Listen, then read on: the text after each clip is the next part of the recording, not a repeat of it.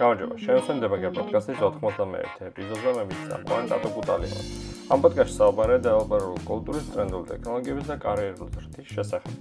დღევანდელი თემა მოდნო განსხვავებული იქნება ფიქრობ ვიდრე წინა ეპიზოდები, რადგანაც უფრო მოვცილდებით რაც კონკრეტულ ტექნოლოგიურ საკითხებს და ვისაუბრებთ იმ ეფექტებზე, რასაც ამ ტექნოლოგიებს ჩვენს ნაშრომს გავლენა აქვს საზოგადოებაზე და ჩვენს ცხოვრებაზე.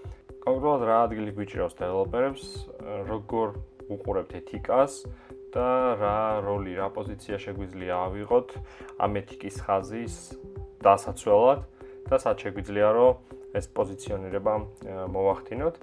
თავიდანვე განმარტავ, რომ ყველა განსხვავებულია, თვითონ წვითავს სად და როგორ და რაზე იმუშაოს, როგორ წარმართოს საკუთარი კარიერა და ცხოვრება, მაგრამ ამავდროულად ყველა შეგვიძლია დავფიქრდეთ სად გადის ჩვენთვის ზღვარი და როგორ იქნებოდა რომ სხვანაირად მოქცეულიყავით.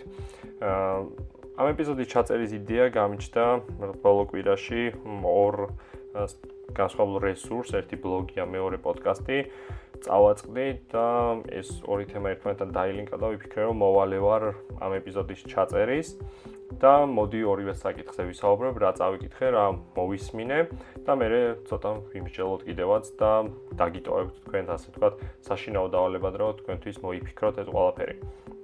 პირველი იყო ბლოგი, რომელიც 2016 წელს გამოქვეყნდა, თუმცა უკავშირდება ძველ 2000-2001 წლის ამბებს, ანუ დაახლოებით 21 წლის წინანდელი ამბავი არის, მოკლედ ერთი ადამიანი არის, რომელიც ცხოვრობდა კანადაში development-ი ძალიან ადრეულ წლებში დაიწყო, ჯერ კიდე 6 წლიდან, მნიშვნელობა არ აქვს და უკრავს და 1 წლის საკმაოდ კარგად ჩამოყალიბებული შემდგარი კარიერა ჰქონდა და მუშაობდა full-time developer-ად, როდესაც სთხოვეს ერთ-ერთ, ну, როგორც developer-ს ერთ კომპანიაში მუშაობდა, უნდა დაემზადებინა ვებსაიტი რაღაც ფარმაცევტული კომპანიისთვის, რომელიც ყიდდა რაც X წამალს. და ეს წამალი landing page-ი, ასე ვთქვათ, გვერდი ააწყო და იქვე იყო პატარა კვიზი გასაკეთებელი, მაგალითად, უნდა კითხოს გისვამდა, რომ ხარ თუ ან რომელიც კესი წარმომადგენელი ხარ, და ძირითადად ეს წამალი უმიზნებდა ქალებს, თავი ან ეს განსაზღვრული იყო. თქვათ რა ასაკის, რამე ხო არ გაწუხებს და მოკლედ საბოლოოდ როგორც გაირკვა ამ ყველაფერს კითხვებს საბოლოო პასუხი ყველას ჰქონდა, რომ შენ ეს წამალი გჭირდება და ეს წამალი უნდა იყიდო. გარდა ორი პასუხისა, ერთ-ერთი იყო, რომ ალერგიული ხარ და მეორე თუ ამ წამალს უკვე იყენებდი, რაც ლოგიკურია, რომ აღარ გჭირდება ხელახლა. თავიდან ცოტა უცნაურა ეს, არ მოეწონა, თუმცა მე გაატარა და ამავდროულად ეს არაფერი არ ლეგალური ამ კომპანიაში არ იყო, სრულიად ლეგალური კომპანია იყო, სრულიად ლეგალური წამალი იყო, რომელიც მთელი ქვეყნის მასშტაბით იყიდებოდა. აა გავიდა ცოტა ხანი და როდესაც ეს საიტი ჩაბარდა, მიიწვიეს აა დიდ წვეულებაზე ის და მისი გუნდი. რამოდენიმე დღის შემდეგ რა დამზადებიდან. აი სანამ წვეულებაზე მივიდოდა, იქამდე ტელევიზორში გამოცხადდა, რომ აა ერთმა ახალგაზრდა გოგომ თავი მოიკლა სწორედ ამ წამლის მიღების შემდგომ. და მას შემდეგ უკვე აღმოაჩინა, რომ ამ წამლის გვერდთა ეფექტი იყო დეპრესია და სუიციდური ფიქრები. და ამის შემდგომ, ასე ვთქვათ, დატოვა უკვე სამსახური და მაგის მერე წერს კიდევაც ეს ადამიანი, რომ აგერ 21 წელი გასული და ეხლაც ეფიქრება ამ საკითხზე და აქ აყენებს უკვე რაც მორალურ საკითხს ჩვენ ან დეველოპერები რამდენად გავართ აი ამ ეთიკის ხაზის მცველებად და რამხელა მოვალეობა გვაკისრია ჩვენ ინდივიდებს. იმიტომ წარმოგიდგენთ ასეთ სიტუაცია, რომ ეს ამბავი, რაც კეთდებოდა, გამოიარა, თქვათ, იდეა დაიგეგმა ყველაფერი, ანალიზი გაიარა, შემდგომ დიზაინი გაკეთდა, დიზაინი არაფერი ისეთი. უბრალოდ ჩობრი საიტი დაიხატა.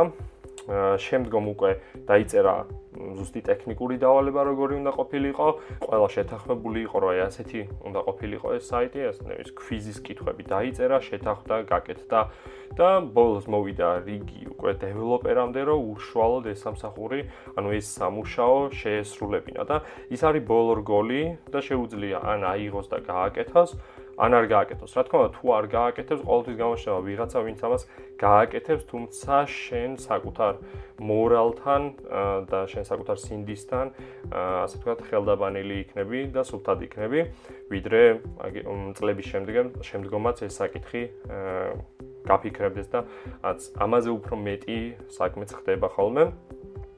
და ეს არის რომ ზოგჯერ დეველოპერები ხშირად ვართ უკანასკნელი ხაზი რომელიც პოტენციურ საშიშროებას ან არაეთიკურ მიზნებს შეგვიძლია რომ აღუდგეთ წინ.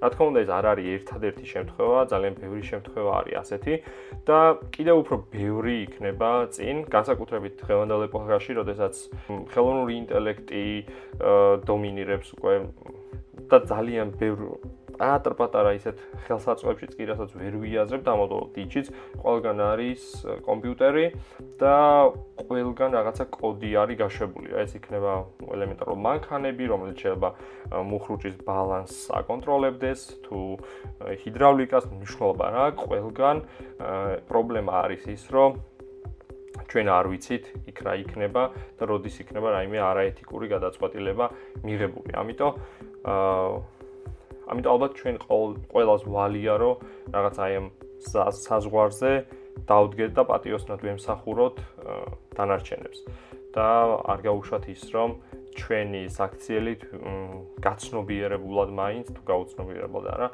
მივაყენოთ ზიანი, აი ეს გაცნობიერებული ზიანი შეხებს და გავიდეთ არაეთიკურ საქციელებამდე. მეორე რაც იყო პოდკასტი, მოვისმინე ასევე ორივე სხვათაშორის იქნება ეპიზოდის ლინკში, დაგილინკავთ. მეორე სხვანაირად უფრო ცუდი ამბავი არის, თვითკვლელობას არ უკავშირდება, თუმცა შეიძლება იცოდეთ ასეთი აპლიკაცია Kiki, ეგ არის chat chat აპლიკაცია. ბოლო 8 წელი ალბათ, რაც არსებობდა საკმაოდ ცნობილი არის მინიმუმ ამერიკაში და სტატისტიკის მიხედვით ყოველი მესამე თინეიჯერი იყენებს Kicks და ამაში თვითონ პრობლემა არ არის, თუმცა წლების განმავლობაში Kiki ითვლება როგორც ყველაზე მარტივ ან ისეთი პლატფორმა, სადაც შესაძლებელია პორნოგრაფიული ხასიათის მესიჯების და ფოტო-ვიდეო მასალის გავრცელება და მათ შორის ყველაზე ცუდი რაც არის, ეს ეხება არასრულწლოვნებს და თინეიჯერებს.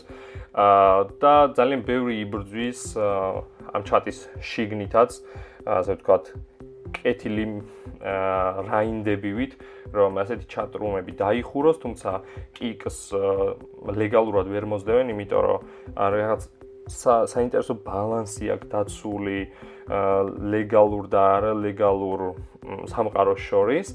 და ამავდროულად ეს აპლიკაცია არის სრულიად მიტოვებული, ასე რომ დეველოპმენტი ხდება, რაღაცები ემატება და აპდეიტები ხდება. თუმცა ვერ დაუკავშირდება ვერანაირ support-ს და ზუსტად ეპიზოდი ერთი ყველაზე ცნობილი პოდკასტი არის Dark and Diaries. Jack Rhysider-მა ცადან ნებისმიერი ოფიციალური არქით დაკავშირება კიკის ჩატთან, წარმომადგენლობასთან, თუმცა ვერანაირად ვერ გავიდა და ძალიან კარგი ინტერვიუ აქვს კიკის ჩატ ადმინთან, რომელიც თვითონ არის ტრეიდერი და ასე ვთქვათ, პორნოგრაფიული შინაარსის ფოტო-ვიდეო მასალას ცვლიდა ხალხში, ანუ ერთისგან იღებდა რაღაცას, აძლევდა მეორეს, სანაცვლოდ მეორესგან სხვა მასალას იღებდა და აძლევდა სხვა სანაცვლოდ სავაჭრო მასალა ქონდა და იყვნენ ადამიანები, რომლებიც ცდილობდნენ აი ესეთი ჩატრუმებზე კონტროლი მოეპოვებინა და დაეხურათ, რადგან სრულიად არაეთიკური და არალეგალური იყო იქ რაც ხდებოდა. აქ მეორე საკითხი არის უკვე, როდესაც შენ თვითონ დეველოპერი ხარ და ხვდები ამ აპლიკაციაში რაც ხდება და ძალიან მარტივი არის პოდკასტ ეპიზოდიდან ირკვევა ამ აპლიკაციაში ასეთი ჩატრომებში მოხვედრა, რომელიც არის ასობით და კიდევ უფრო იზრდება მათი რიცხვი. და არაფერს არ აკეთებ ამის წინააღმდეგ. აქ საქმე არ ეხება ან მარტო პორნოგრაფიული შინაარსის ფოტო-ვიდეო მასალას, რადგან ეს ცალკე წესი არის მათ აპლიკაციის მოხმარების წესებში არ შეიძლება ზოგადად პორნოგრაფიის გავრცელება, თუმცა როდესაც საქმე ეხება არასრულწლოვნებს, გაცილებით ცუდად არის საქმე და სწორედ აქ ვფიქრობ, რომ ადამიანები, რომლებიც ალბათ მუშაობენ ამ პროექტზე, ამ ეთიკის ხასთან უფრო მკაცრად უნდა დამდგარიყვნენ. იქ შეიძლება ვიღაცები იდგნენ და დატყოეს ეს პროექტი, თუმცა დღესაც არსებობს ეს აპლიკაცია, იღებს აპდეიტებს და ძალიან ბევრი მომხმარებელი ყავს დაახლოებით ალბათ 500 მილიონამდე, თუ სწორად მახსოვს პოდკასტ ეპიზოდი, ასე რომ ასე რომ დღეს რის გამო ჩავწერე ეს ეპიზოდი, იყო სწორედ ის, აი რამაც შემაწუხა და დამაფიქრა რა. მაგრამ ისევ თავიდან როგორ თქვი, ყველა განსხვავებულია, ყველა თვითონ წვავს სადიმუშაოს, მაგრამ ჩვენ ყველა შეგვიძლია ერთხელ მაინც კითხვის ნიშნის ქვეშ დავაყენოთ ჩვენი საქციელები, ჩვენი мотивация რა არის мотивация იცვლება თუ არა ყველაფერი ფულზე და რამდენად შეგვიძლია რომ დავიცვათ ეს ეთიკა და დავიცვათ ჩვენი ეს მორალი და არ მიცვათ საშუალება რომ ნებისმიერი რაღაცა თავისუფლად გავრცელდეს, თავისუფლად შევასრულოთ და ვიყოთ უბრალოდ რაღაც შემსრულებლები ნებისმიერი კარგი თუ ცუდი სურვილისა. დიდი იმედი მაქვს, რომ ამ ეპიზოდის შემდგომ თქვენც ალბათ სახში დაждდებით, რაღაც მოიძიებთ ამაზე უფრო მეტ ინფორმაციას, გირჩევთ, რომ ორივე რესურსი წაიკითხოთ და მოусმინოთ. დაფიქრდეთ რაღაცები გადააფასოთ და ასევე შეგიძლიათ რომ განიხილოთ თქვენს წრეში რას ფიქრობთ ამ თემაზე და რა როლი აკისრია დეველოპერებს აი ასეთ საზოგადოებაში. დიდი მადლობა ყურადღებისთვის. დამატებთ გისურვებთ. Thank you.